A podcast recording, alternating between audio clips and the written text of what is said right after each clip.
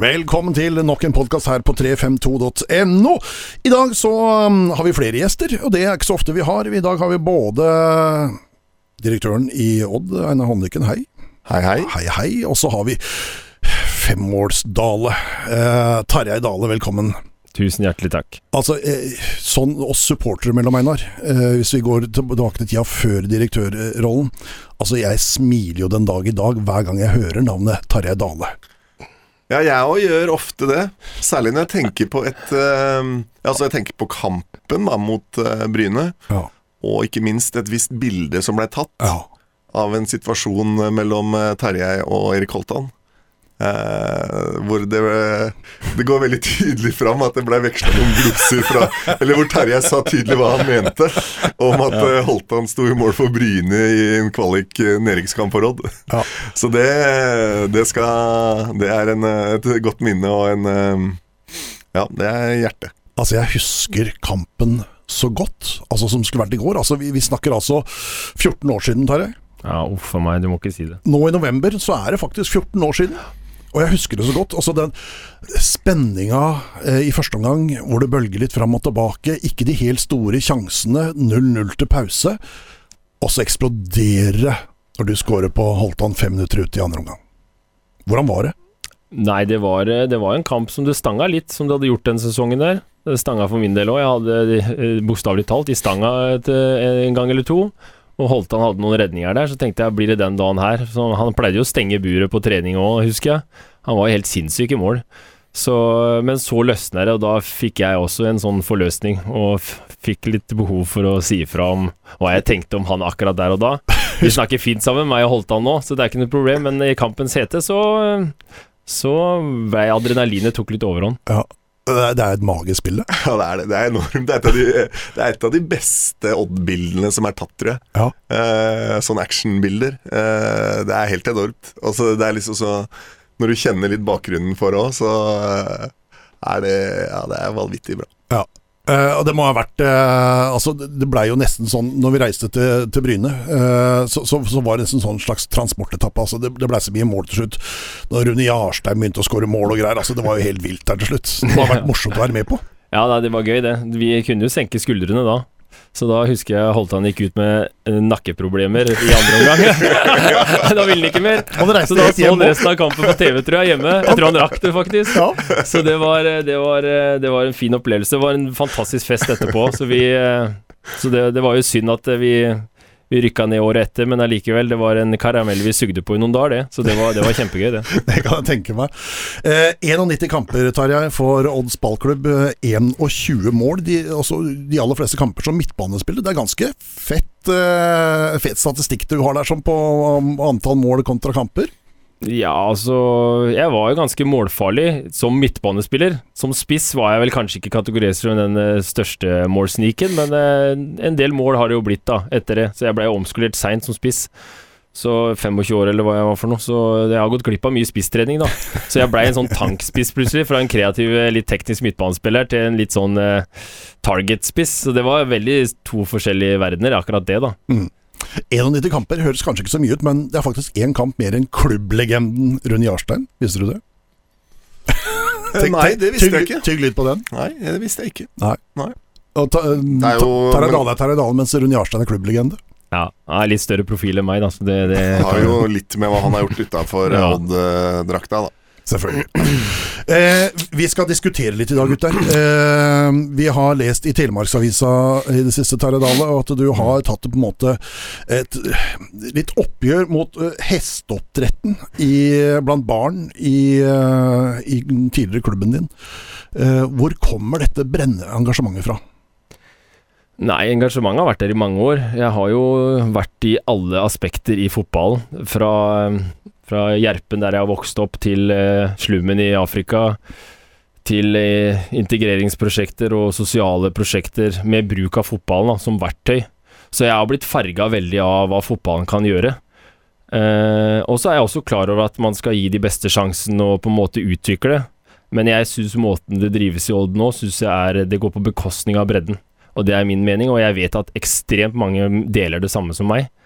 Av både fagfolk og foreldre, og Så, så det er klart at eh, Det er jo en ting som jeg vet at vi er uenige i, meg og Einar, men eh, jeg syns det er en viktig debatt å ta opp. fordi at eh, norsk toppfotball med akademiklassifiseringa som har kommet fra 2017, har Jeg mener den har store konsekvenser.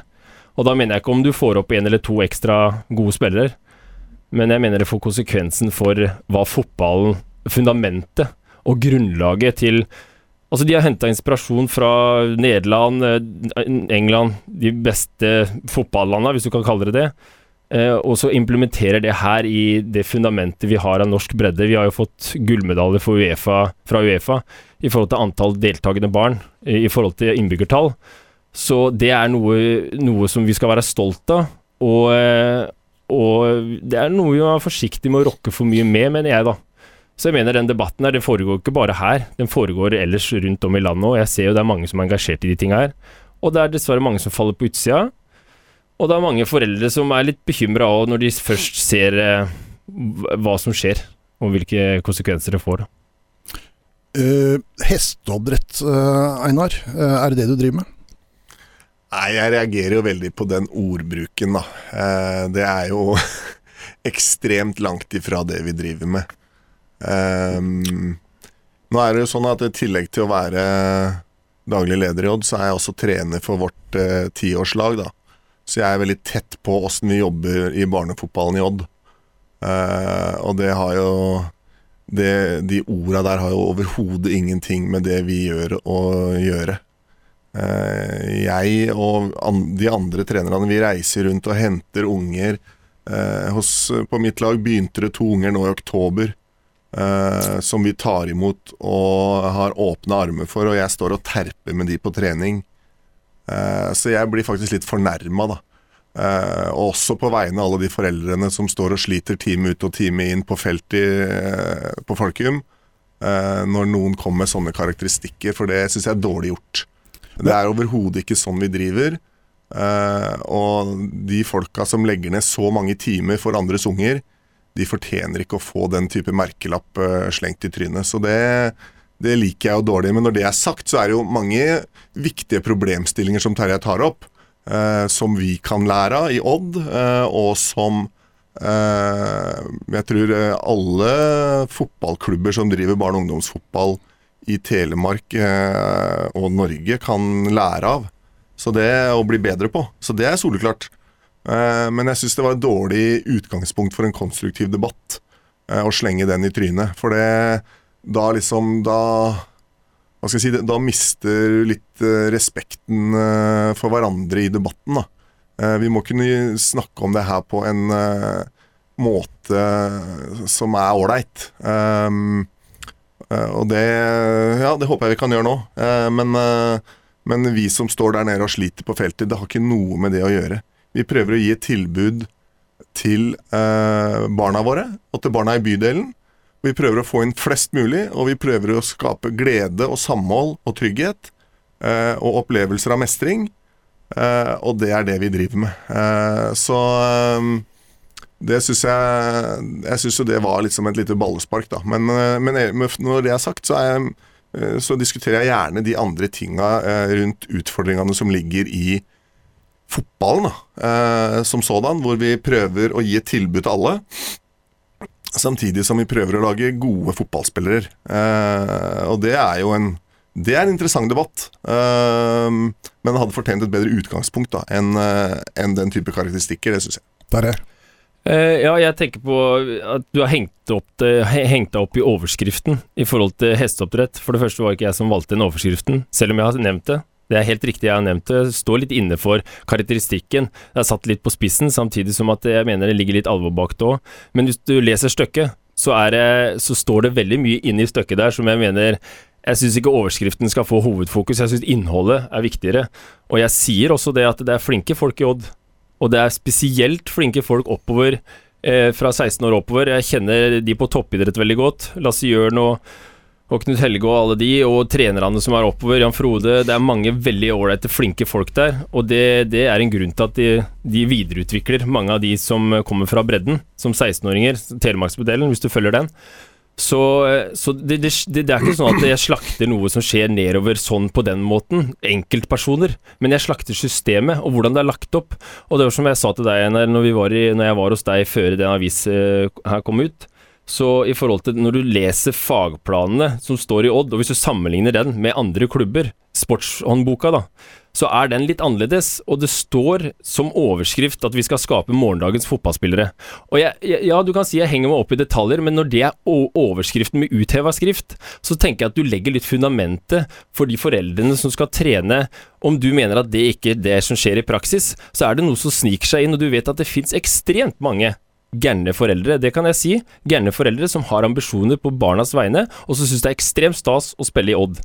Og det gjør at dere, når dere rekrutterer inn fem- til seksåringer som sogner til Gulset, til Storm, til, det, det, som du sa til meg sist, det spiller ikke noen rolle hvor de kommer fra, de er velkomne hit, så går du litt vekk fra telemarksmodellen, tenker jeg, og du rifter opp i, i, i miljøer som er rundt i lokalfotballen, som de burde spilt på der med skolekompisene sine.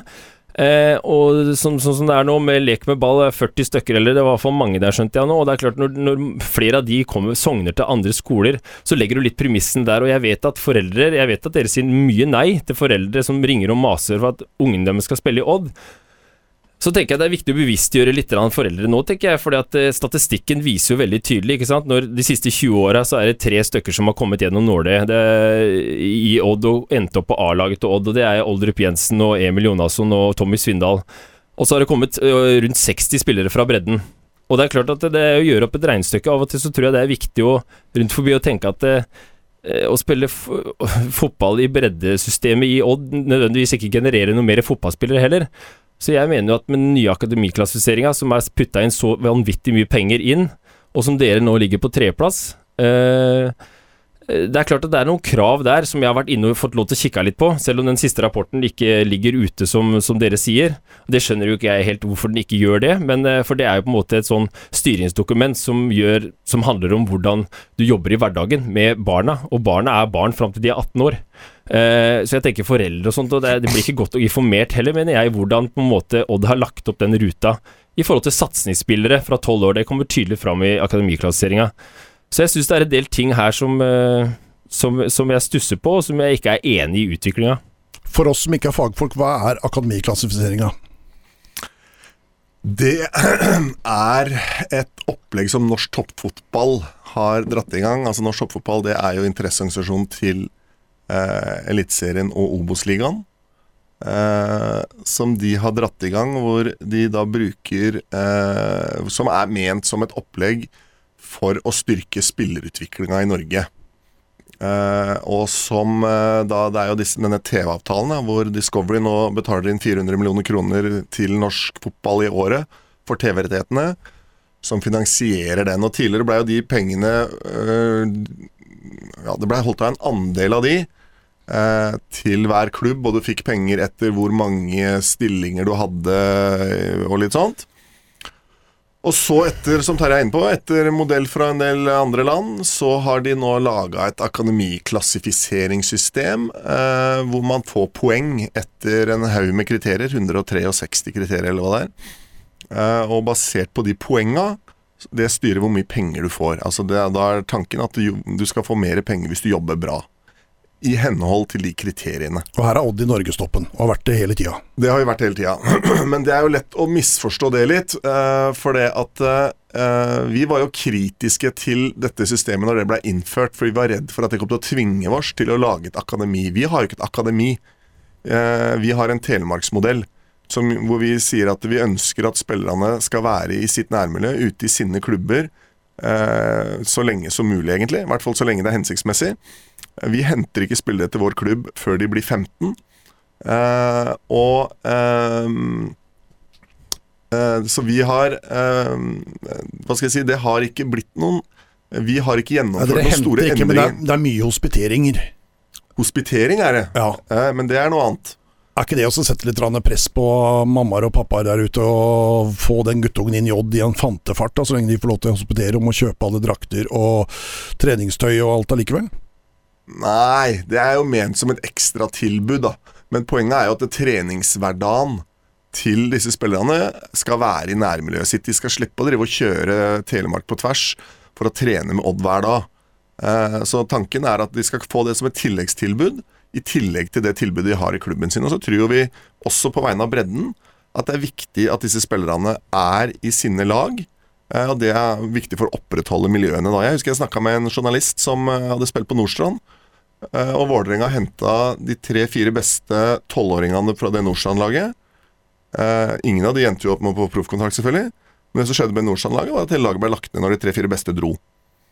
Så Sånt er det hundrevis av eksempler om rundt i Fotball-Norge. Sånn driver ikke vi.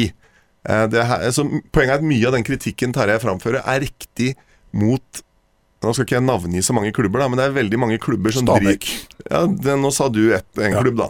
De, det finnes mange klubber som driver sånn, eh, og de er i konflikt med klubbene rundt, for de henter de, altså de tømmer klubbene rundt for de største talentene, og så spytter de ut igjen på veien når de ikke eh, lykkes.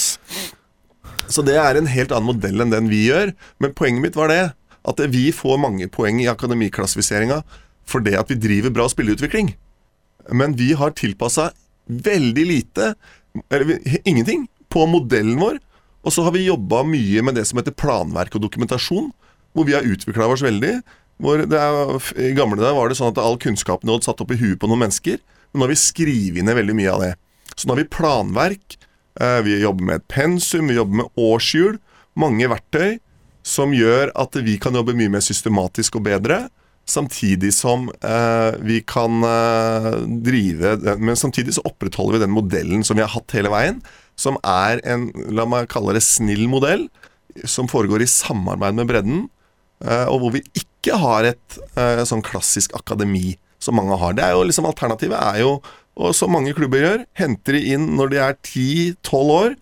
Eh, og kjører på med liksom betalte trenere. Vi ønsker jo ikke den modellen, og har ikke valgt den. Eh, så den, jeg mener den kritikken jeg tar om dette har med akademiklassifisering å gjøre, bommer. For vi har nesten ikke endra noen ting i måten vi driver på de siste 10-15 åra. Eh, prinsipielt. Men vi har fått mer ressurser, som gjør at vi har flere heltidsansatte trenere. Vi har nå heltidsansatt trenere på 14, 16 og 19. Eh, og det gjør uh, Det er faktisk ikke noe som er så stor forskjell for de aller beste. For de beste blir alltid sett. Når du var ung, Tarjei, du ble sett. Du fikk uh, oppfølging av treneren. Men de nest beste og de tredje beste, de, vi, har, vi, har, mye bedre oppfølging av de. Så de får et bedre tilbud nå enn sånn det var før. Tarjei? Ja, det er jo en del ting her som, som jeg føler er litt misvisende, da i forhold til eh, For det første så er Telemarksmodellen en veldig fin modell, og den har jeg alltid syntes vært superbra. Og jeg kom til Odd da jeg var 15 år sjøl, selv. selv om da tok jo Odd imot 6-7 fra Gjerpen i tillegg, så det ødela laget der oppe. Så det skjedde jo i Odd eh, den tida. Da var ikke Telemarksmodellen på plass. Nei. Men det, jeg vet jo at det skjer det, det, stadig en del ting også. Det har vi slutta med. Ja, ja, til en viss Jeg vet at det forekommer enda, visse, men uansett Nei, men det, gjør, det, er i mye mindre grad. Men, men, det gjør ikke det, der. Nei, men, I, den grad vi, I den grad vi henter inn spillere nå, ja. Så er det klubbvedtak, ja. styrevedtak i den klubben som ja. Bevers tar imot spillere. Da gjør vi det. Mm. mm. Men foreldre eller enkeltspillere kan ikke sende de til vår klubb. Nei, ja, men også der er ikke Odd Jeg er også enig i Einar her, at det er ikke de verste i forhold til det. Du, men så kan du ikke sammenligne Odd med en klubb som Stabæk heller, hvor det er mye tettere kamp om, om talentene. Dere har et monopol på 173 000 som bor i Telemark. Alle de beste vil komme hit uansett.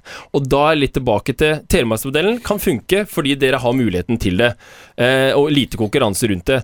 Men da er vi tilbake til Jeg er litt opptatt av den Og det er jeg enig i, altså, ja, det er sagt. Ja, ja.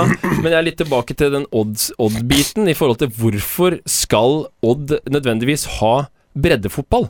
Eh, hvorfor, og, og, som du sier, ja, vi har alltid hatt det, og det har vært en del av strategien siden 1894, ikke sant. Men, men da ble jentene tvinga til å gå med bukse òg, Ting, ting, nei, med skjørt, mener jeg. Mm. Så det handler om at vi det, det, det, skjer jo endringer. Og jeg tenker at eh, i og med at den akademiklassifiseringa, og som du sier, at dere har Uh, dere har fokus på noen enkelte ting i akademiklassifiseringa, men når du ser på treningsprosessen, da, som har økt dobbelt ikke sant, i forhold til treningsprosessen, Eh, på det punktet, hvor det er treningspress. Det var 9 i 2017, og nå er det 22 og et eller annet. Så der har det økt betraktelig. Og treningsprosessen, der er en del kriterier som stilles til krav i forhold til hvordan treningsprosessen er bygd opp. Og jeg sier ikke nødvendigvis at det, at det er feil med gode treningsinnhold og sånne ting, men fokuset når du ser Jeg har jo gravd litt dypt i det her, da. Når du ser da at eh, at du trenger store kull for å få til det her. For å få til en topp, så trenger du store kull. Og så er det tilfeldig, og som jeg snakka med deg før òg, Einar, er det tilfeldig at etter 2017, når akademiklassifisering kicka inn, så plutselig har det økt fra 190 medlemmer i barne- og ungdomsfotballen til 340 i 2019? Er det tilfeldig? Rett Det er- det er- er- etter er akademiklassiferinga? Det er i hvert fall ikke tilflytting. Nei, men det er, helt, Er det tilfeldig? Det er helt tilfeldig. Er det det, det? Det er veldig spesielt. Det har ingenting med hverandre å gjøre. Har ikke det? Nei, virkelig ikke. Jeg forklarer, da. Nei, Det har noe med at vi har begynt eh, å aktivt eh, rekruttere eh, unger, og vi har begynt å uh, lage et mye bedre tilbud, rett og slett, i vår barne- og ungdomsavdeling.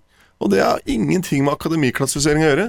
Eh, Du kan lage så mange teorier du vil om det, her, men, Ja, det, men det har har over, økt med det har- ganske mye men det har overhodet ingenting med det å gjøre. Altså, Det at vi har mange barn i barne og ungdom hos oss, det er mye mer kostnader enn det er inntekter. Det er ikke noe inntekter på det. Vi tjener ingenting på det. Det er bare kostnader. Så hvis du skulle vært kynisk og tenkt butikk og elite og til og med topplasseringer i tippeli- Eliteserien, så hadde vi sikkert kvitta oss med hele skitten. Så det har ikke noe med det å gjøre. Det har noe med å gjøre at vi ønsker å være en folkelig forank forankra klubb som sp springer ut av vårt nærområde, og som ønsker å gi et tilbud til barn i vårt nærområde. Det har det med å gjøre. Hvis vi hadde tenkt kynisk på at vi skal lage Hvis vi hadde tenkt utelukkende på eliteseriedelen av det hele, så hadde vi gjort som mange andre klubber har gjort, og kvitta oss med alt av unger før de er 14 år.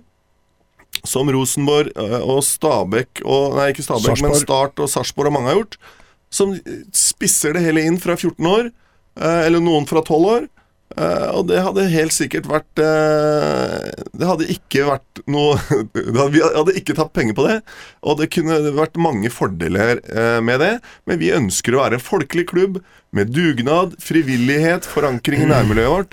Det er det valget vi har gjort. Eh, og det har ingenting med akademiklassifisering å gjøre. Og det har ingenting med noe kommersielt å gjøre. Det er motsatt. Det er fordi vi ønsker å være en folkelig, og kalle det ikke-kommersiell klubb. Eh, Ja, at vi men har tøm, tømmer du ikke de andre klubbene rundt deg da for disse barna, som sikkert er i Odd fordi de har store drømmer, eller mamma og pappa har store drømmer? Nei, men det er jo ikke det. Hvis du ser på mitt kull, så er det gutter fra eh, Lunde skolekrets som spiller der. Og så er det to-tre gutter som bodde der når de var barn, og som har flytta ut, men som har blitt igjen i klubben. Det er det der. Ellers er det bare Lunde skolekrets. Eh, så det der at, det, at vi driver og tapper eh, rundt omkring, det gjør vi ikke. Det er ikke riktig. Tarjei. Ja, ja, det er jeg 100 uenig i. Eh, fordi at eh, når du ser at du mener at det er tilfeldig, fra 2017 at det har økt så betraktelig Det har vært jevnt nedover tidligere, så har det vært ligget ganske jevnt på det tallet. Plutselig så har det boom øka fra 2017 til 2019. Eh, rett etter akademisfinanseringa, og når du ser konsekvensen det har skapt for nærmiljøet vi får ikke noe penger, i akademiklassifiseringa vi får dette her. Det er ikke noe poeng du for å ha ja, åtteåringer la, der. la meg prate. Når du sier det, så sier du etterpå, påfølgende etterpå, dugnad, folkelighet, den biten der. Ja, jeg er enig med det. Fordi at det, med, Du kan tenke deg med 340 medlemmer, så sier du at det er et minusprosjekt. Det, det, det kan ikke jeg skjønne når alle blir brukt til store dugnadsressurser på kampene. Eh, Du, blir, du, du har ressurspersoner i klubbene som går inn og tar verv. Du har, du har sponsorinntekter via mange foreldre som har et, et hjerte for Altså som har barna sine der og sånne ting. Så det genererer voldsomt med, med ressurser, kanskje ikke direkte penger. Men, så det der syns jeg er litt tullete å si, for at dere har basert dere på mye av de tinga her. Og, og ikke bare det, men når du ser den debatten i forhold til som vi hadde snakka om før òg. Det er klart at det, For nærmiljøet så er det to klubber som, som sogner til sentrum. Det er Skiens Grane, og så er det Odd. Eh, Jeg har ikke noe verv i Skiens Grane heller, så, så, så det er greit. Men, men, Men jeg, men et hjerte. ja, det har jeg, absolutt. Eh, og, og, og da tenker jeg at det, det er ganske spesielt når fra 2017 så blir plutselig hele Skiens Grane tømt for spillere. Og da mener jeg lag og jenter, og plutselig var jentefotballen satt i gang. Så, så det har vært en kynisk, ganske sånn eh, ikke ålreit prosess, mener jeg. Og det mener veldig mange andre som har litt sånn peiling på saken. Så jeg syns at hele den prosessen her da har endra seg voldsomt etter 2017. Og er det tilfeldig? Einar? Jeg har svart på det. Det er helt tilfeldig. Har ingenting med hverandre å gjøre. Ja, spesielt. Vi har eh, Jeg kan godt prøve å ta litt ære for det. Jeg, jeg i hvert fall som leder i klubben satt mer fokus på at vi skal ha en eh, god barne- og ungdomsavdeling.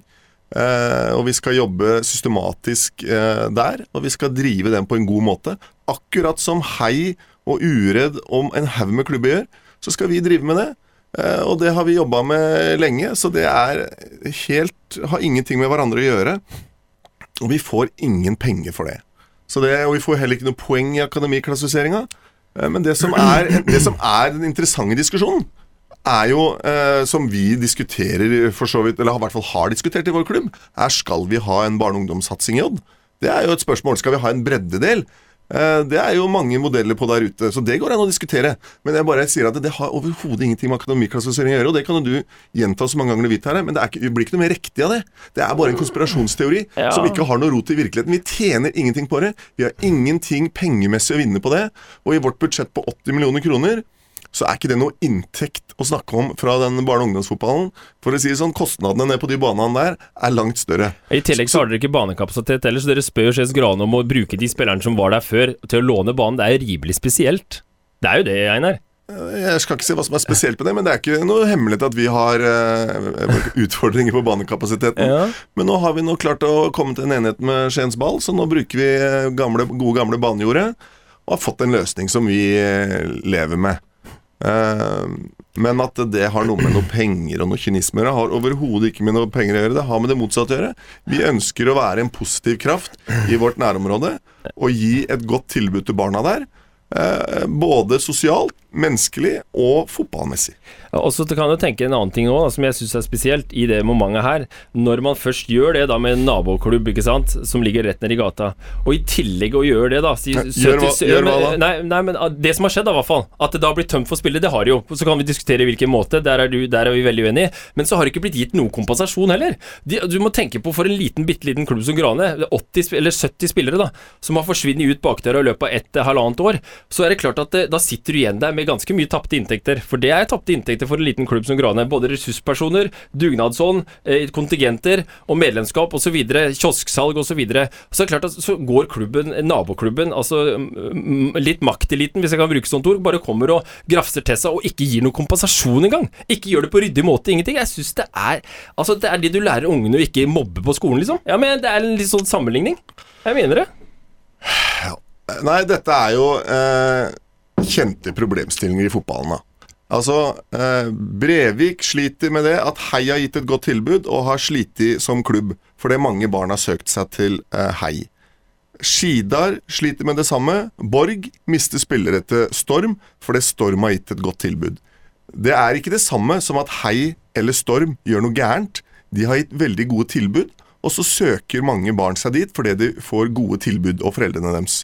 Vi har gitt et godt tilbud til barn i mange år nå, og det gjør at eh, mange barn har valgt vår klubb, eh, mens Grane ikke har klart å gi et så godt tilbud, og dermed har færre valgt det. Altså, det, er ikke noe, er ikke noe mystisk eller noe kynisk eller noen ting i det. Vi har bare ønska å gi et godt tilbud til barn i vår bydel. Altså, Jeg tok med guttungen min ned til Grane, og hadde egentlig ønska at han skulle begynne der. Det var min plan når, jeg, når guttungen min eh, var seks år. Og så var det veldig skummelt, og han turte ikke. Eh, og sto og grein i eh, buksene mine. Eh, og så gikk det et halvt år, og så hadde Odd et tilbud. Så tok jeg den med dit, og så turte han plutselig det. Og så var vi i gang, da. Det er mer stasmål. Jeg, har ingenting ingenting Det hadde ikke noe med det å gjøre. Jo, jo men kan du ikke forstå akkurat det poenget der? At, at uh, barn ser opp til en Torgeir Børven og en Espen Ruud og en Markus Kaasa og ønsker å bli en ny Torgeir Børven og Markus Kaasa, og tror at, det, tror at, det er lettere det skjønner jeg, men når man er i klubben? Det hadde ikke Nå skal ikke jeg gå for langt inn i guttungen min, men, uh, men, det hadde ikke noe med det å gjøre. Det var mer bare ja. ja men sånn på generell basis? Ikke generell basis så er det selvfølgelig et moment. Uh, men dette er problemstillinger uh, som gjelder i, i For der har jo dere faktisk et samfunnsansvar også, å for, fortelle disse at alle her kan ikke bli profesjonelle Abs fotballspillere. Absolutt. Fordi nåløyet er så bitte, bitte, bitte lite. Absolutt, og sånn er det.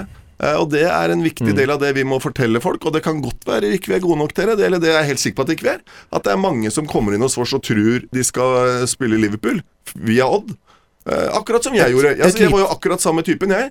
Jeg var jo helt sikker på at jeg skulle bli Det var bare spørsmålet om jeg ble proff i Norge eller i England. Mm. Ja. Uh, ikke sant? Og så kom det noe etter hvert, og så skjønte jeg at det blir jeg jo ikke. Og så slutta jeg. Det var, det var Gulset.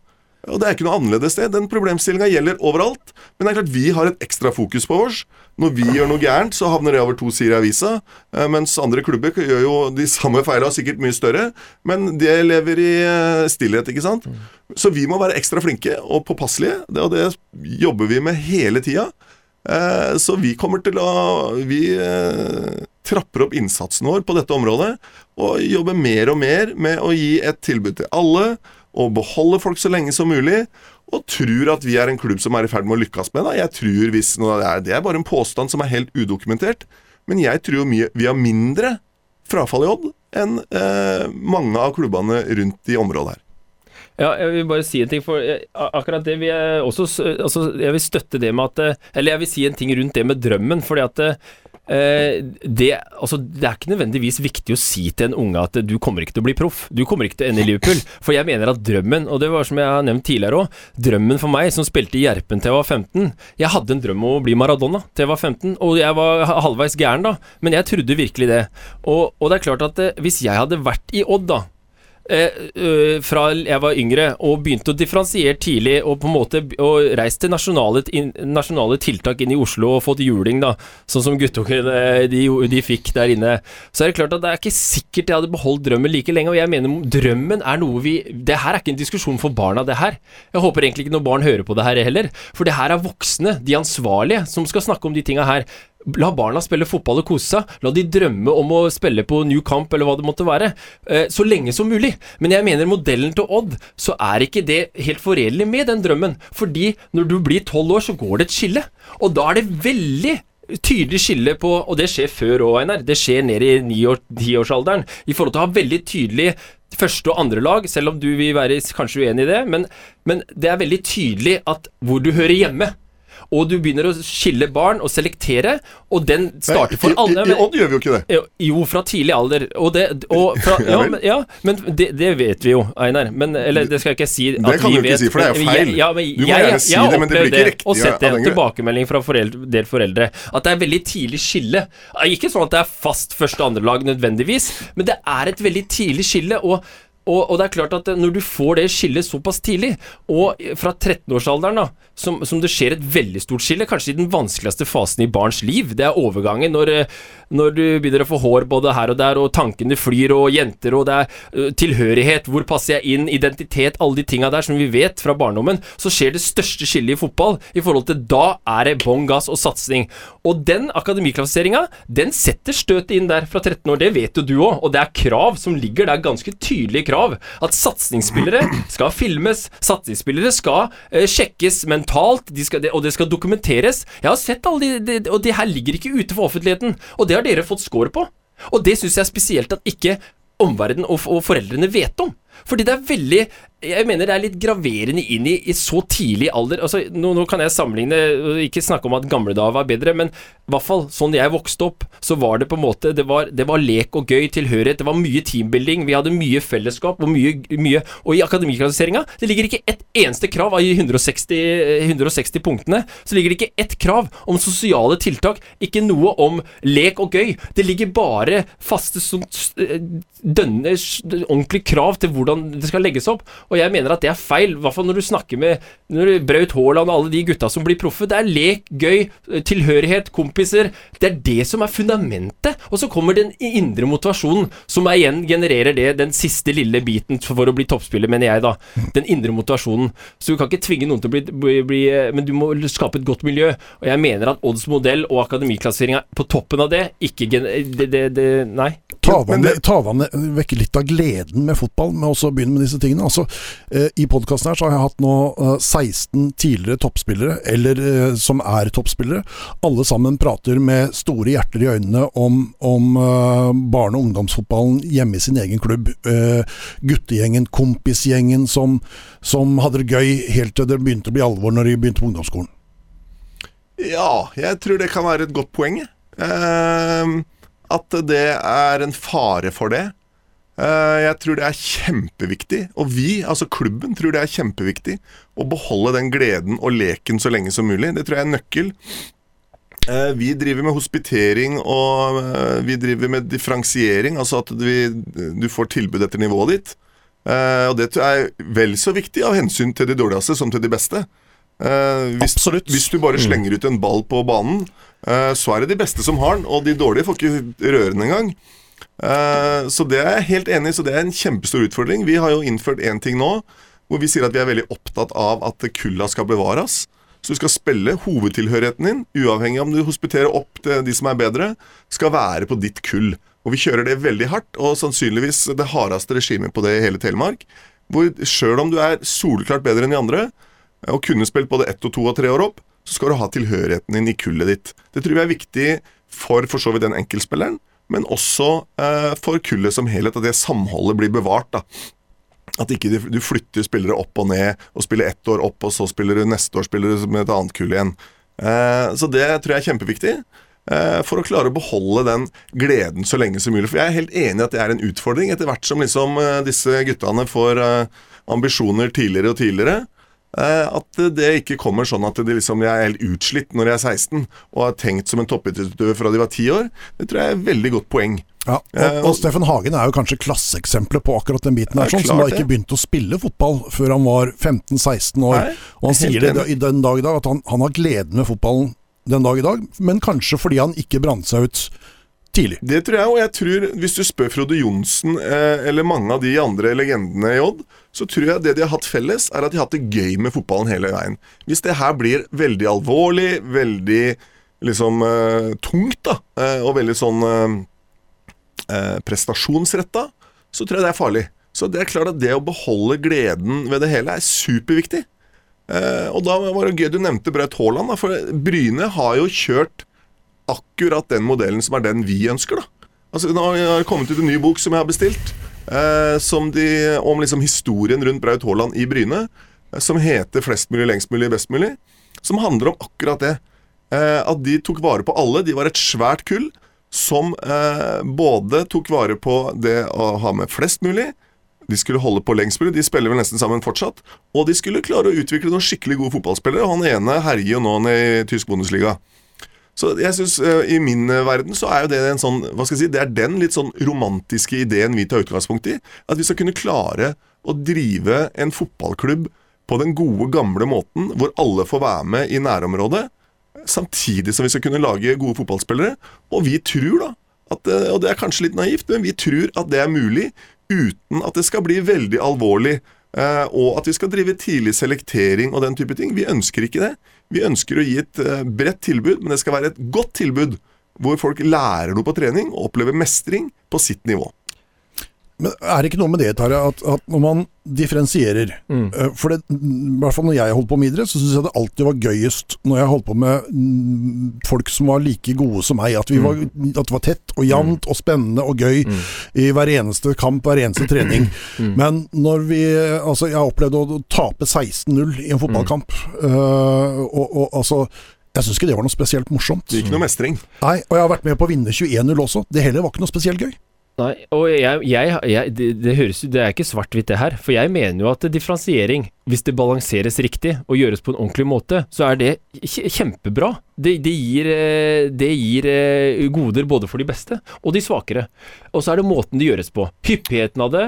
Det er eh, i forhold til og, hospiteringa òg kan være veldig positivt. Hvis du får gjort det kanskje en trening eller to i uka. Men så tenker jeg det derre det, ja, det, tror jeg vi er enige om. Ja, ja, er, ja vi er enige om det.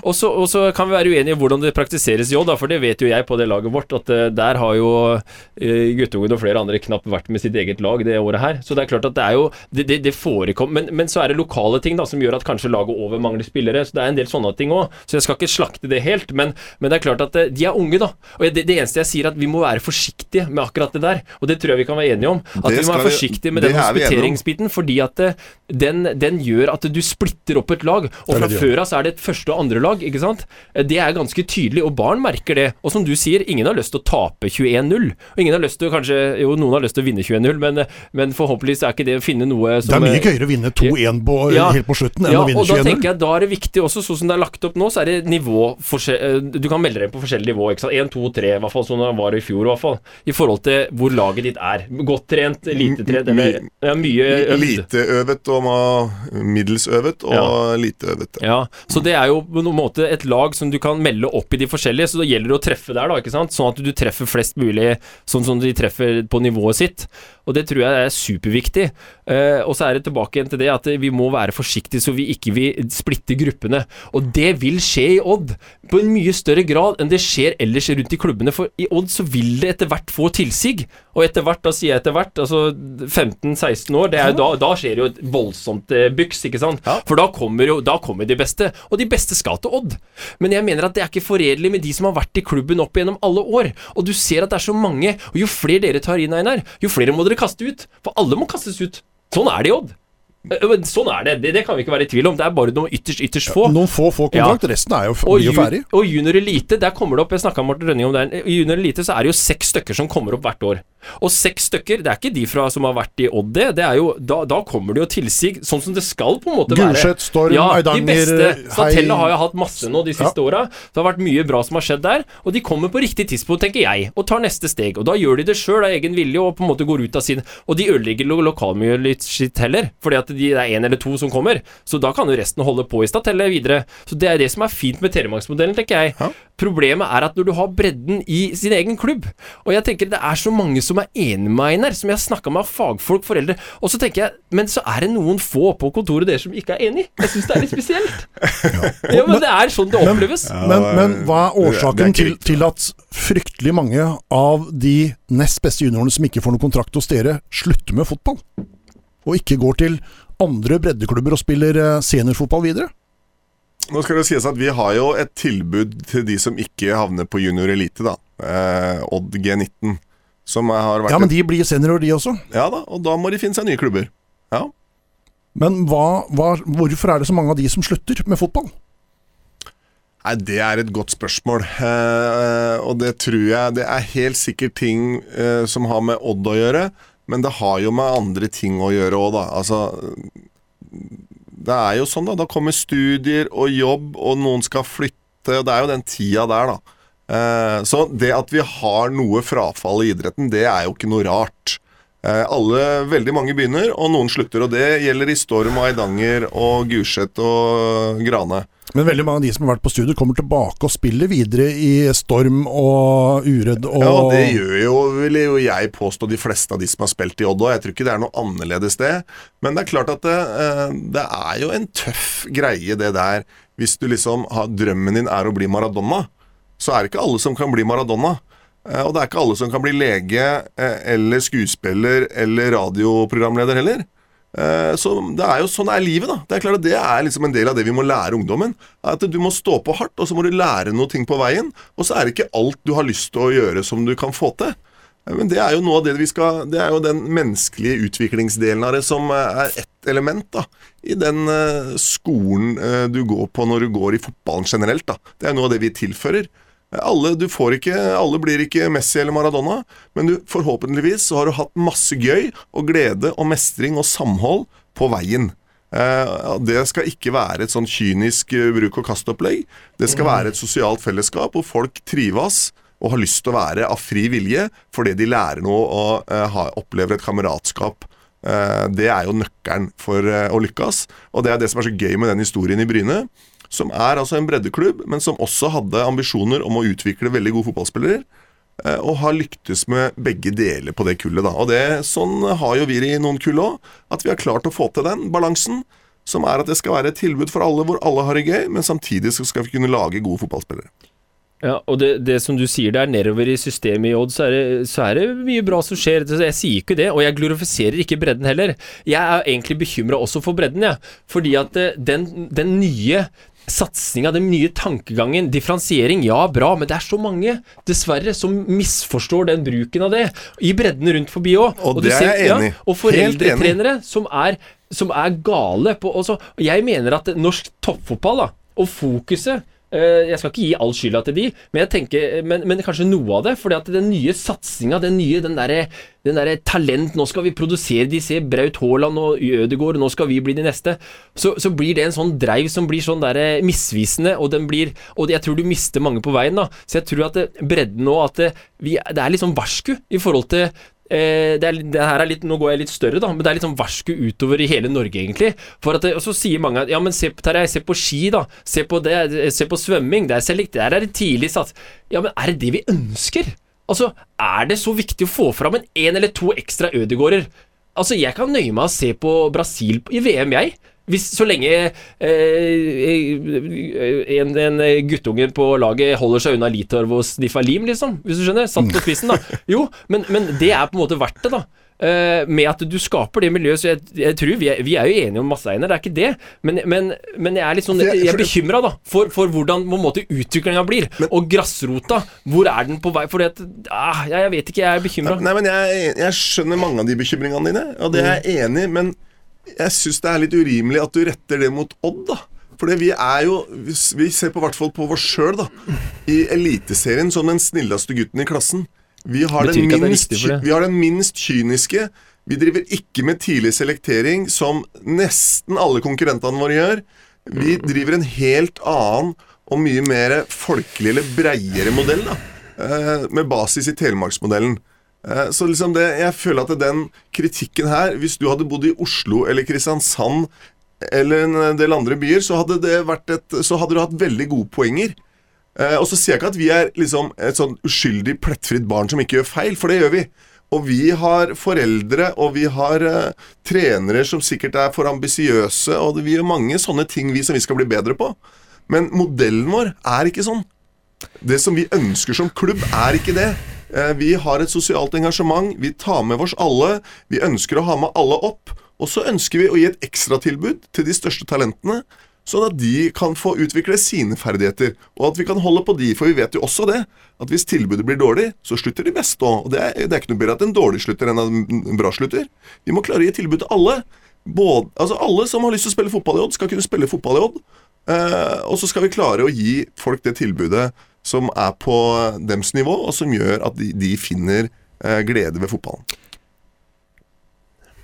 Ja, nei, eh, det er Vi, vi er ikke en kynisk klubb som prioriterer penger eh, og driver tidlig selektering og bruk og kast. Hadde vi vært det, så hadde jeg skjønt kritikken din. Ja, men og da hadde jeg vært enig. Da hadde jeg stått, men i- leser hadde jeg stått i fanklubben din bak Ja, deg og nei, klappa og heia. nei, og vi var til og med den klubben som Nå- var mest kritisk da akademiklassifiseringa nå ble innført. Riktig, og nå ligger dere Av mange av de samme grunnene. Jo, men det betyr jo ikke at vi har tilpassa oss. Jo, det har det, for det har er- jeg sett på rapporten. For at dere er har jo flink- gått fra mye gult til grønt. Vi er flinke til å utvikle spillere, og det har vi vært hele veien. Så vi vi skaffa oss masse dokumentasjon, papirer, de har gitt oss masse poeng.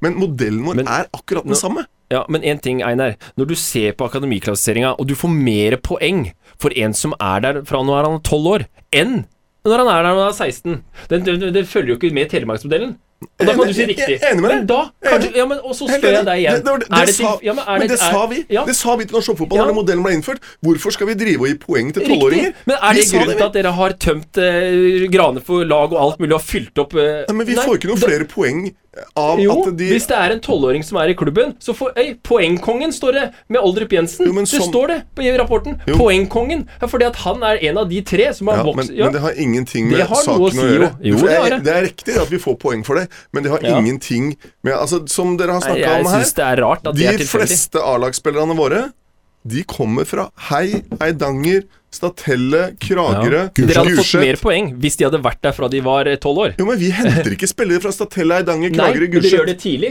Nei, Når vi- de er fem år. Ja, men vi gjør ikke det. Jo, Nei, det for da ikke. sier du ja til alle. Det har du sagt til meg. Nei, det gjør vi ikke. Einar, hva sa du sist på kontoret? Nei, men jo, vi- vi sier ikke nei til noen som kommer fra Gulset, Storm eller noe, med lek med ball. Nei, det betyr har- at dere tillater alle egentlig å starte der. Vi- det er spesielt. Er det et kynisk spill for å slippe utdanningskompensasjon den dagen det blir Overhodet ikke. Det har ingenting med det å gjøre. Det har ingenting med dette å gjøre overhodet. Hva har det med å gjøre da? Det At dere har økt med- så voldsomt siden 2017? Det har noe med at vi driver barne- og ungdomsavdelingen vår bedre.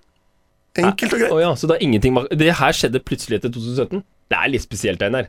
Altså, du, Du skjønner at jeg stiller ja, spørsmålet? det, nei, jeg, jeg skjønner det, men altså, hvis du snur på ICA-posen, så blir det CIA. Det, altså, det, det er ikke noe Ja, altså, det, er ikke noe eh, det, er, det er ikke noe sammenheng. For det om eh, Hvis det er et overlapp i tid jeg, altså, jeg vet ikke når det der begynte engang. Så det har, ingenting med, det har ingenting med saken å gjøre. Vi har gjort våre vedtak i våre styrer om at vi ønsker å drive en barne- og ungdomsavdeling. Enten måtte vi drive den bra, eller så måtte vi legge den ned. Da valgte vi at nå skal vi drive den bra og ha et godt tilbud til barna i bydelen, så alle kan være her. Alternativet var at vi sa, som mange klubber har sagt, at vi legger den ned, og så får de komme til vårs hvis de er i posisjon til å kunne bli en elitespiller. Det er hele greia. Men det, det har ingenting med akademiklassifisering å gjøre. Men plutselig til 2017 nå, så ble det sagt at det- det- Skedsmo Grane, nå er ikke dere Dere er ikke med i Telemarksmodellen. Så nå egentlig, så nå er vi må, nå, nå rekrutterer vi Nå går vi og soper inn alt. Lek med ball var jo Skedsmo Grane som hadde før dere opererte med det i 2015. Så det er klart at eh, dere har jo satt inn støtet, og da er jo det med på på en måte dere Altså, det kan nesten se ut som dere vil male det der klubbhuset nede på Grande svart og hvitt, ikke sant? Og overta hele For dere trenger jo ba- banekapasiteten nå. Så jeg synes det er liksom det, det, det ser mistenkelig ut, da. Det er det jeg mener. Jeg skal ikke sitte og si sånn og sånn, for det, det har ikke jeg noe bevis, skriftlig beviser på. Nei, men, det er spesielt. Men det her er bare akkurat samme situasjonen som Skidar er i overfor Storm. ja, men Hvor Skidar er en liten klubb ved siden av Storm, men kan, skal vi si til Storm driv dårligere?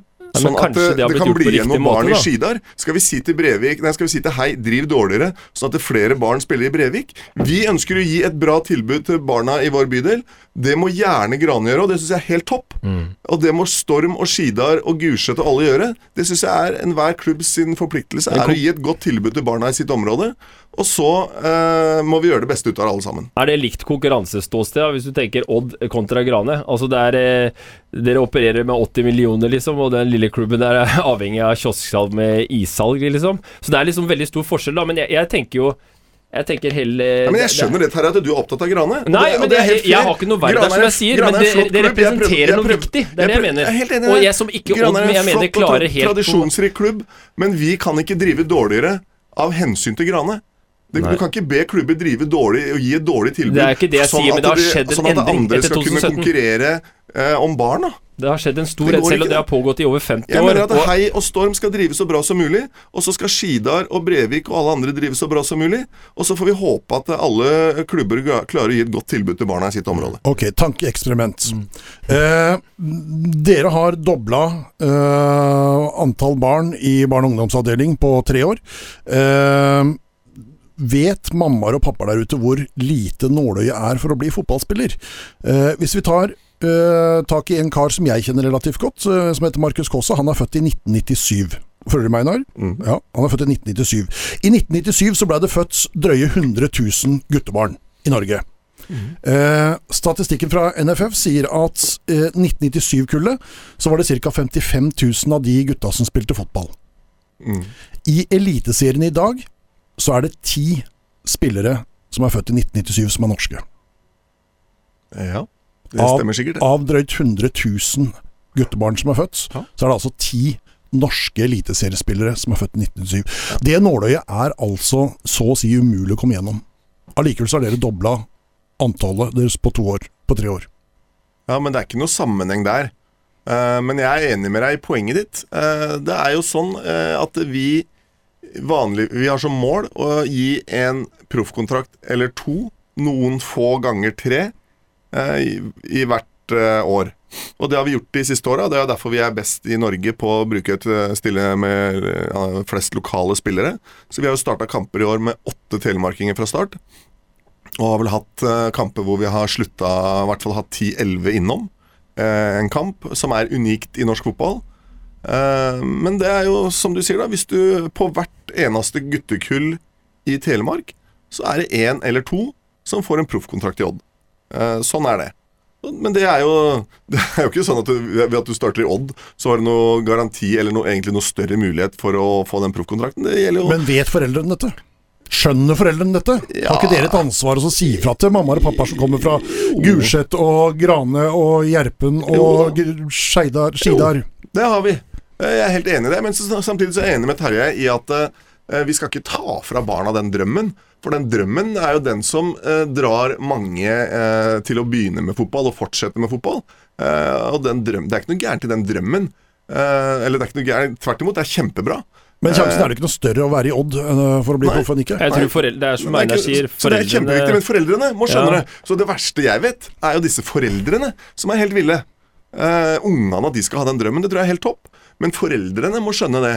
At sjansen for at din lille gutt, eller etter hvert jente nå, eh, blir liksom eh, Graham Hansen i Chelsea, eller hva det måtte være, den er bitte liten. For det Men finnes den jo foreldre er jo, den drømmen er jo positiv. Det å ha drømmer Vi må ikke ta fra folk drømmene. Det Nei, men skal er ikke barna ha de drømmene, ikke mammaen og pappaene? Jo, helt enig. Ja. Helt enig. For det, det Skrik finnes de ut i høyttaler. For det, for det finnes jo folk, mammaer og pappaer, i din klubb uh, som er rundt lag, og hvor lag har større utstyrspakker enn hva A-lag har. Nei, det tror jeg ikke. Det er nok ikke riktig. Det er, det- har hørt nå, det samme, Nå, nå dro men- du på her. Men uh, det er jo en spesiell ting med vår bydel, da. Eh, på Falkum, eh, eller rundt Falkum eh, bakken i Skien, så bor jo de fattigste barna og de rikeste barna side om side. De går på samme skole, og de spiller i samme fotballklubber. Så det er klart det er noen spesielle ting rundt det. som gir litt det vi kaller strekk i laget på mange områder. Da. Og det gir oss et spesielt ansvar i å ta vare på alle barna, og se alle barna. Og det er vi veldig opptatt av å få til. Eh, men eh, nok en gang, dette er jo lag som er foreldrebaserte. Det er pappa- og mamma-trenere. og noen eh, er opptatt av sånt, og andre er ikke så opptatt av det. Men vi prøver jo da å sette disse tinga i noe system i vår klubb som gjør at vi ikke mister barn fordi de ikke har råd til eh, å kjøpe seg fotballsko, eller fordi foreldrene ikke klarer å se forskjell på eh, hvis, eh, om en kamp er beramma til Åfoss eller Skottfoss. Så da må vi hjelpe de, og få de med. Og det, altså, jeg har kjørt utallige runder og henta unger eh, i eh, bydelen for å få dem med på kamp og trening. Og det, sånn driver veldig mange foreldre eh, og eh, lagledere i vår klubb. Og det, da syns jeg det er urimelig at de skal bli stempla som noen hesteoppdrettere. For det er så langt unna det vi driver med. Vi driver et tilbud eh, for barna i bydelen vår. Ja, eh, igjen da, så tok du overskriften igjen. Altså, det, det, det er ikke Ja, men, så ja, men- ja, men- mener du ikke? Mener du ikke? Jo, når det kommer opp til et visst nivå, jo. Men jeg har jo ikke sagt at de foreldretrenerne At det er masse bra som skjer av foreldretrenere, og så er det noen dårlige foreldretrenere som har fokus på helt feil ting. Sånn, sånn som det er ellers i breddeklubbene, ikke sant? Så, så det er jo greit, men når de kommer opp til et visst nivå, Einar, så er Altså Når du leser akademi legg, Jeg utfordrer deg legge ut akademiklassikere. Kan folk lese den sjøl? De om det er oppdrett eller ikke? Fordi det står veldig tydelig, og rapporten deres nå, fra 2017, som jeg fikk tilsendt, den fikk jeg tilsendt. Men ikke 2019. Og det har skjedd endringer der også som har blitt at det har blitt mye grønnere. For å si det sånn, for hvert Det er punkter hvor det er rødt, da gjør du ikke noe. Og så er det litt sånn halvveis gult, og så er det eh, lysegult, og så er det grønt. Og det er, for, det er ganske stor Men vi forskjell. ønsker å være flinke, vi. Det er Jo, ikke jo, noe hemmelighet, men- det. men det er jo, Ja, vi, vi ønsker ønsker å drive spilleutvikling. Ja, det er det- jo, ja, vi, men- vi står for det, vi. Det er ikke noe jeg vet at dere jeg står syns for ikke det det. er noe ska, ska, farlig eller negativt. Var det eneste du var negativ til i akademiklassifiseringa, at ikke dere kunne fortsette med Telemarksmodellen? Var det ikke andre ting du var eh, kritisk til? Nei, nå var jo, når den ble framlagt, så var jo ikke alle detaljene som ble framlagt der. Men det var først og fremst at vi skulle bli påtvinga en akademimodell hvor vi må eh, drive tidlig seleksjon, som det heter. Altså vi skal plukke de beste veldig tidlig. Eh, Vi har en modell som baserer seg på at eh, disse ungene skal være ute i breddeklubb ganske lenge. Og få påfyll fra vårs og fra fotballkretsen. Men hvor de skal bli så lenge som mulig ute i sin klubb. Og vi har jo tatt det skrittet enda lenger nå. Og sender jo våre trenere, som er betalt gjennom akademiklassifiseringa, ut til Hei og Herkules og Gulset og Åfoss for å trene barnetrenerne. Hjelper de med et lavterskeltilbud, eh, det som vi kaller for Barnetreneren. eh, hvor vi reiser ut på feltet og prøver å gi enkle råd til barnetrenerne. det vi anser oss sjøl som i samme båt som Fotball-Telemark. Når Hvis kommer de til hei? Ja, det tror jeg har vært der. Ok. Ja, det tror jeg faktisk. Um, det skal jeg, ja, jeg er ganske sikker på det. ok. De har jo Vi- vi har produsert mål- flest. De har ikke- produsert ikke- ti spillere. Hadde det ikke vært for korona, så hadde vi vært ute i alle klubbene i Telemark i løpet av de siste tre åra. Det er Telemark fylke som betalte det her i sin tid. De siste tre åra, ja. Ja. Eh, alle klubbene i Telemark har fått tilbud om å få besøk av uh, våre trenere, som gir helt enkle råd om åssen skal du uh, lykkes og få en god trening. Ha minst mulig kø, én ball til alle, og den type råd som mange trenger. For å gjøre, gi, gi et tilbud til barna som gjør at det er gøyere å gå på trening. Du får mer glede, mer lek, og dermed får du også eh, bedre ferdigheter.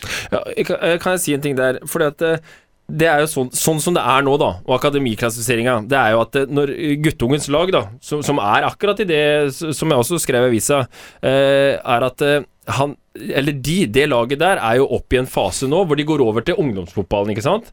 Og da endrer ting seg. Og da er det jo en heltidsansatt trener. Og ikke nødvendigvis at det er noe negativt i det. Eh, hadde det vært en ansatt en eh, miljøarbeider som eh, Men det, det, altså, det er sikkert flinke folk, det er ikke det. Eh, men så er det noe med det at det, de trenerne, istedenfor å bruke tid da, eh, på et breddelag som, som, det er jo ett lag i hele Telemark som får det, den behandlinga her, da, eh, med, med, en heltidsansatt trener. Så, så, hadde det jo vært bedre, som du er inne på nå, Einar, å bruke de ressursene dere får til å forsterke klubbene rundt. Altså Jeg tenker på, sånn som du er inne på det med barnetrenere og sånne ting, men jeg mener jo at der ligger jo et mye bedre potensial. Det er 60 spillere som har kommet fra bredden inn til Odd. Hvor mye er det klubbene egentlig får igjen? Hva gjør dere for breddeklubbene? Nei, Vi gjør jo blant annet det her, da. At vi reiser rundt og gir et lavterskeltilbud. Eh, vi jobber sammen med fotballkretsen rundt trenerutvikling, altså trenerutviklingsprogrammet deres. Vi inviterer én klubb på hver hjemmekamp på det vi kaller æresgjesten, hvor hele klubben får komme gratis inn. Vi har styre på VIP, hvor vi diskuterer hvordan kan eh, politikerne i din hjemkommune, eh, fylke, idrett, nei, fotballkrets bidra til eh, om det er anlegg eller andre behov som denne klubben har. Så vi gjør en haug med ting sammen med breddeklubbene for å styrke de. For, det, er, det, er, faktisk sånn at det, det, om Odds barne- og ungdomsavdeling driver den beste spillerutviklinga i Telemark, det hjelper ikke det. For det er jo den. Altså den generelle utviklinga i klubbene i Telemark som vi er avhengig av. Hvis det drives dårlig rundt i klubbene i Telemark, så får ikke vi opp disse lokale guttene fra Hei, Eidanger, Statelle, hvor det måtte være, Gulset, og da ender vi opp med å bli en kjøpeklubb som alle andre. Vi ønsker å være en klubb som er fundert i Telemark, med høy andel lokale spillere. Og derfor er vårt hovedfokus at det skal drives best mulig i flest mulig klubber. Men er ikke kretsen altså det, det, Jeg har jo tatt det grasrotekurset. Ja. Men det mm. grasrotkurset, uh, det, det, det, har jeg tatt sjøl. Kjempebra kurs. Uh, Erik Skretvedt som tok fra, fra Porsche. Og, han, og, ja, og det er jo kretsen. Burde ikke kretsen uavhengig av Odd gjort Det er jo kretsen sin oppgave. Ja, og, nå, og de gjør jo det. Ja, og de, vi, vi, Har det, noe med dere å gjøre? Ja, har det egentlig noe med dere å gjøre? For det er jo krets Eller, eller er kretsen og Odd samme nå? Nei, ja, spørre, det, er, det er ikke. Men kretsen driver denne aktiviteten, og er, hovedansvaret er kretsen. Men vi tenker jo, siden vi er da flaggskip og lokomotiv i Fotball-Telemark, så skal vi også ta et ansvar for dette. Veldig mange av uh, våre konkurrenter uh, gjør jo ikke det, men vi tenker som så at det er viktig for oss at det drives bra i flest mulig klubber. Og dermed ønsker vi å være ute og bidra til eh, trenerutvikling, klubbutvikling eh, og de tinga som er viktige for at eh, barn får et godt tilbud. Og hvis mange barn får et godt tilbud, så er det større sjanse for at noen få av dem blir skikkelig gode. Dere har ikke vært på Grane ennå? Jeg har faktisk tilbudt jeg til, har, det, har, det, er ikke lag igjen der. Det har jeg, det har jeg tilbudt til Grane. Mm. Eh, og så ja, må jo du, du må jo takke ja, da. Vi kan ikke presse oss på. Så det må jo være noen som sier ja, dere kan komme, og dere kan komme onsdag klokka seks. Og da eh, har vi samla disse trenerne. Uh, men det har vi også tilbudt til Grane. Ja. Men, men eh, hvis du står oppe på der du skal så poteter, på taket av stadion, ja, Der har vi solceller. Så kan du se over til Gulset. Altså Som har masseprodusert spillere for dere. Mm. Hvorfor er ikke de en, en offisiell samarbeidsklubb med dere? Hvor, hvorfor må du til Vestfold og Stagg for å finne nærmeste offisielle samarbeidsklubben? Nei, Vi har diskutert det der litt. da, og det er en sånn, eh, Apropos akademiklassifiseringa, en ting vi har vært kritiske til akademiklassifiseringa. Der får du poeng på å ha samarbeidsklubber. Vi har sagt at vi samarbeider med alle klubbene i Telemark. Så vi har ikke plukka ut noen. Vi har sagt at vi skal samarbeide med alle. Og så har vi diskutert det litt fram og tilbake, og vi har jo prata litt eh, om det med Hei, blant annet, eh, Kim. Eh, men vår modell er nå basert på at vi skal samarbeide med alle klubbene, og ikke velge oss ut noen. Og så kan det godt være at vi burde plukka oss ut noen av de største, og gjort mer der. Det er noe vi diskuterer, og som eh, kan være en variant. Vi har gjort litt eh, ting med Gulset, med Stigeråsen skole, som du vel var litt med på, Tarjei. Men vi har ikke plukka oss ut noen enkeltklubber. Men det, Men det kan det jo være at vi burde gjort. Det er noe som vi diskuterer, da. Det er klart at det er kjempeviktig for oss, en så svær bydel som Gulset. Eh, det er bare å ta de største bydelene rundt eh, i Grenland pluss eh, kanskje Skarpedin og Kragerø. Det er klart De store klubbene der, at det drives bra i de, er kjempeviktig. For liksom fotballen som sådan, for folkehelsa, for det sosiale tilbudet i disse bydelene. Og også for om det blir produsert noen fotballspillere som kan ta steget helt opp i toppen. Eh, Ove Meldingen spurte fint i avisa. Eh, et spørsmål som eh, Jeg lurer fælt på hva du tenker. Eh, bredde for å skape topp, eller topp for å skape bredde? Jeg vil si begge deler, jeg. Jeg tenker som så at toppen er avhengig av bredden, og bredden er avhengig av toppen. Jeg er helt sikker på at mange færre hadde begynt å spille fotball, og fortsatt med fotball, hvis Odd ikke eksisterte, og den drømmen ikke eksisterte. Men vi er jo en klubb som er basert på at det skal utvikle spillere ute i bredden. Så vi er basert på bredden. Så vi ser på oss sjøl som at vi sitter i samme båt, da, i Fotball-Telemark. Og vi skal samarbeide og hjelpe hverandre, og det er hele ideen bak denne æresgjesten. Hvor vi altså inviterer en klubb inn og er hjemmekamp, ikke under korona riktignok, men uh, før det hadde vi holdt på med i Ja, det begynner å nærme seg ti år nå. Uh, invitere en klubb inn. Uh, det er fordi at vi er i samme båt. Vi må hjelpe hverandre, og vi trenger hverandre. Eh, så det er, det er ikke noe enten-eller på det. Eh, men det er klart at det fins jo klubber som ikke tenker sånn, og som tenker at vi skal kjøpe inn dette laget vårt. Eh, Med vårt budsjett så kunne vi drive prioritert kjøp og salg av spillere, og scouta rundt i Norge og Europa og Afrika eller hvor det måtte være, og henta hoveddelen av spillerstallen vår utafra. Og, hatt, og bare spett på med en eller to lokale en gang iblant hvis det skulle være så flaks at det dukka opp en spiller.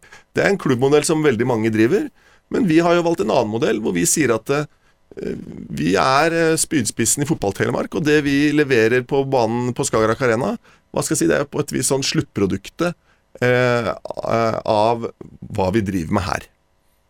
Så det er liksom Det er ikke noe enten-eller der, det er jo soleklart begge deler. Tida begynner å gå fra oss, eh, mine herrer. Eh, kan du forstå noe av kritikken som, nå etter at vi har prata en time nå, eh, som Tarjei kom med? Ja. Jeg syns det er mange gode poenger, jeg. Eh, noen av de treffer ikke vår klubb, eh, men mange av de gjør det. For vi lever i den spenninga der, vi. Mellom det å skulle gi et tilbud til alle, og det å skulle gi et tilbud til de beste. Eh, vi lever i en verden hvor vi har foreldre. Uh, vi lever i en verden uh, hvor uh, ungdomstida er tøff, den. Eh, hvor det skjer mange ting i ungdommers liv. Eh, og noen eh, skal selvfølgelig Alle skal ikke fortsette med fotball. Det er klart at Fotball er ikke for alle. Selv om veldig mange begynner, så skal ikke alle fortsette. Så noen burde sikkert slutte òg. Men de skal slutte av riktige grunner. De skal ikke slutte fordi treneren pressa dem ut, eller fordi de ble putta i en krok på et annet lag, eller fordi det bare ble alvor. Men det De er skal, slutte, de skal slutte fordi de har andre eh, ønsker i livet sitt. Om de ønsker å Mm. trene styrke på eh, sprek, eller om de ønsker å drive med korps, eller prioritere studier eller eh, kompiser. Det er helt fair grunner for å slutte. Vi skal ikke tvinge folk til å bli. Det er ikke noe sånn du skal ha dårlig samvittighet hvis du eh, slutter med fotball. Men du skal ikke bli pressa ut av klubben. Uh, og så er jeg enig i det, at det er, der har vi en vei å gå. Og vi har hatt uh, altfor mange i Odd opp gjennom åra som har slutta fordi de ikke har blitt sett eller ikke har fått en fair behandling. Og det tar vi på det høyeste alvor, som det heter. Vi er veldig opptatt av det og har faktisk eh, mye diskusjon om det og jobber med å utvikle det. Og vi mener at vi har blitt bedre på det de siste åra. Ikke dårligere, men vi har blitt mye bedre på å se alle og gi alle et godt tilbud. Det er i hvert fall målet vårt. Og så er vi ikke i mål. Vi er ikke i mål. Eh, Vi har masse igjen å hente, men det er målet vårt. Eh, Og så bommer vi på enkeltkull, og vi bommer på um, Det hadde vært ting. et interessant studie også sett på det, hvorfor folk slutter. Rett og slett spurt de, og fått kartlagt det. det er- Ja, synes jeg er men, men som du er inne på, idé. Einar òg, er vi veldig enige om det. At eh, du må slutte for de rette grunnene. Det sa jeg i avisa òg, at alle skal ikke spille fotball. Eh, men det er klart at når jeg, ja, gjennom de tinga her, så har jeg skapt en del engasjement. Og det har vært positivt. Og det har mange tilbakemeldinger som har kommet. Og blant annet fra flere foreldre som har kommet. Det er bra du har fokus på guttungen min slutta altfor tidlig i Odd, for det følte ikke at det blei at De tinga som du var inne på, da, som du, du også tok litt kritikk på, at det, det skjer. Og det, det, og, og, og samtidig, da, det er liksom Ja, guttungen begynte på korps isteden, for der sitter ingen på benken, ikke sant? Selv om han ville spille fotball. Og så er det selvfølgelig at Det er ikke alle som havner i hovedkorpset der heller, da. Nei, men i hvert fall Nå er det jo i, i, Alle instrumentene er stort sett med når du er med, da. Men uansett så er det noe med det at det, det var et godt bilde på det, og det er flere som har kommet med de tilbakemeldingene. Og jeg er ikke ute etter å sverte Odd i det hele tatt. Og det er viktig. Jeg har vært der i elleve år. Jeg har hatt mange gode opplevelser i Odd. Hatt det mye ålreite og har fortsatt noen kompiser derfra. Selv om flesteparten av kompisene er fra bredden og den, den fortida når man vokser opp, selvfølgelig. Det er en kynisk bransje. Det er ikke for alle. Og du er ikke verdt mer enn det siste målet du scorer, sånn som jeg husker det i toppfotballen. Det er en kynisk verden, og det er ikke skapt for alle. Men derfor så ønsker jeg også at bredden skal være i fred, og la nå de beste få lov til å blomstre når tida er moden for det. Og vær forsiktig med den differensieringsbiten nå. Og det gjelder også i Odd, og det gjelder også i breddeklubbene, at differensiering blir en unnskyldning eh, mer enn at det blir jevnbyrdighet, hvis du skjønner. At det blir en unnskyldning for å spisse, for å toppe. Nei, men da Ikke sant? Det blir en sånn slags unnskyldning for ambisiøse foreldre og trenere. Eh, og som er med å splitte i veldig tidlig alder. Jeg spilte på ett lag, jeg, på Grane, nei, på, på uh, Gjerpen, og var med det samme laget hele tida. Store forskjeller i kvalitet. Vi var gode, men det var stor forskjell i kvalitet, og det var den indre dreiven som gjorde Vi trente to-tre ganger i uka. Vi hadde en trener som var veldig lystbetont, som jeg var inne på tidligere, og på en måte det, den skapte så glede at jeg hadde så mye glede og lek i banken at når jeg kom til Odd og møtte alvoret litt, da, så, så kunne jeg tappe litt ut, for jeg hadde så mye å gå på. Og det var sikkert derfor du ble god fordi Ja. du hadde den gleden. Jeg tror det. Ja. At hvis du i tidlig alder går inn i her med et sånt stort alvor og tenker prestasjon og sånn i tidlig alder, det er helt gærent. Ja, men- Vi må beholde den gleden så lenge som mulig. Det må være gøy og lek og moro. Og læring. Mm. Og mestring. Og utvikling. Og får ut til de tinga samtidig. Det er det som er magien her. Og sosialt nettverk. Og sosialt nettverk. Og Ja. kompiser. Og fellesskap. Ja. Og alle de tinga der. Men det er det vi skal få til. Det er det vi jobber for. Men på skolen nå så ser du at det, her også er jo en utfordring på skolen. Jeg husker på Stigeråsen, jeg husker en satt og grein for han skulle spille på andrelaget og ikke førstelaget. Det her var treklasse. Og det ser du også. Eh, det også skjer i Odd, ikke sant. At det, og i skolekretsen Lunde. At det blir at Jeg vet jo at det har vært enkelte kull som det er trø... Altså det, det, det blir et skille veldig tidlig. Og jeg mener, er resultatet så forbanna viktig i en alder av ti år, eksempel, da? Men sjekk det det allerede i skolegården, Tarjei? At Jo, man vet hvor man er, er i hierarkiet? Og, og flere av foreldrene som jeg har snakka med også, er, har vært sånn at guttungen Jeg vil gjerne at han skal spille fotball. Eh, fordi at kompisgjengen Altså Det er en populær idrett. Det er verdens mest populære idrett. Og Det er derfor jeg mener at alle skal ikke spille fotball, men det er en unik arena da for å skape det der fellesskapet. Eh, for en som også eh, kanskje heller liker å egentlig gjøre andre ting. Så alle skal ikke spille fotball, enig i det, men vi skal i hvert fall legge til rette for at alle skal være med. Ikke sant? Jeg er helt enig i alt det her, og det her er, men det her er problemstilling som gjelder i alle breddeklubber. Ja, Men Det- i oss odds er det satt i system. Og vi skal alle bli bedre på det. Uh, og så tror jo jeg, da, at uh, jeg er helt enig i det. Vi har mange ting vi skal bli bedre på her. Men jeg tror jo at vi er i ferd med å bli veldig mye bedre. og vi er langt bedre enn det inntrykket som du har vært med å skape, da. Ja, men vet du hva, Det syns jeg er litt dårlig å si. For når du får tilbakemeldinger fra Altså, jeg er jo kun en, en stemme, på en måte, som er bekymra for de tinga her. Du må ikke tro at jeg snakker på vegne av meg sjøl. Det er ikke noe jeg finner på sjøl, det her. Det er jo ting, en bekymring som, som deles rundt forbi. Og det har jeg fått bekrefta, at det er vanvittig mange, både fagpersoner, foreldre, folk som er involvert i fotball på alle eh, nivåer, er veldig enig i at det her er viktig å få diskutert. Jeg sier ikke at alt jeg sier er riktig, men jeg sier bekymringa er noe veldig mange deler. Ja, det, og det er jeg enig i. Ja. Ja. Har du fått svar på en del av de tinga du ønska å få svar på i dag, Tarjei? Eller er du like er Nei, altså jeg, jeg, jeg vet jo, meg og Einar har snakka før, vi, og vi, vi, er jo, vi vet jo hvor hverandre står, og vi er jo enige om veldig mye ting. Og så er vi litt uenige i forhold til hvordan det blir operert i, i, i den største klubben i Telemark, da. I forhold til det. Så det er litt lokalt det her òg, for Odd driver godt på veldig mange måter. Og det var jeg inne på i avisa òg. Jeg er ikke ute etter å ta Odd på noe som helst måte, og det mener jeg hele mitt hjerte. Så jeg, jeg er liksom opptatt mer av er det det riktige? Det som skjer nå, den modellen, er akademiklasseringa forenlig med bredden? Og så mener Einar ja, og jeg mener nei. Så der er vi uenige. Men uh, ja, jeg bare håper at uh, guttungen og alle de andre som er rundt i barnefotballen kan spille Men problemet er jo uansett, og det kommer vi ikke utenom, at alle skal ut av Odd, til syvende og sist. Ingen kan fortsette der. I, i Hercules så spiller jo gamle Hercules-gutter. Du kan ikke komme tilbake til Odd eh, når du er etter du har studert. Så Odd er ikke en klubb du kan komme tilbake til, og det er en klubb du ender opp på et andre lag uansett. Og det er ikke helt sånn som det er i bredden. For i bredden så får du ikke den, eh, den tilsiget av spillere som du gjør i Odd. Så jeg mener det er ikke forenlig, for til slutt så vil eh, både guttungen og de andre ende på et andre lag. Men alle som vi får ikke spille i alle klubber, da. Det er jo ikke noen steder det er sånn, da. Ikke det. Du kan ikke bare møte opp på heitrening heller.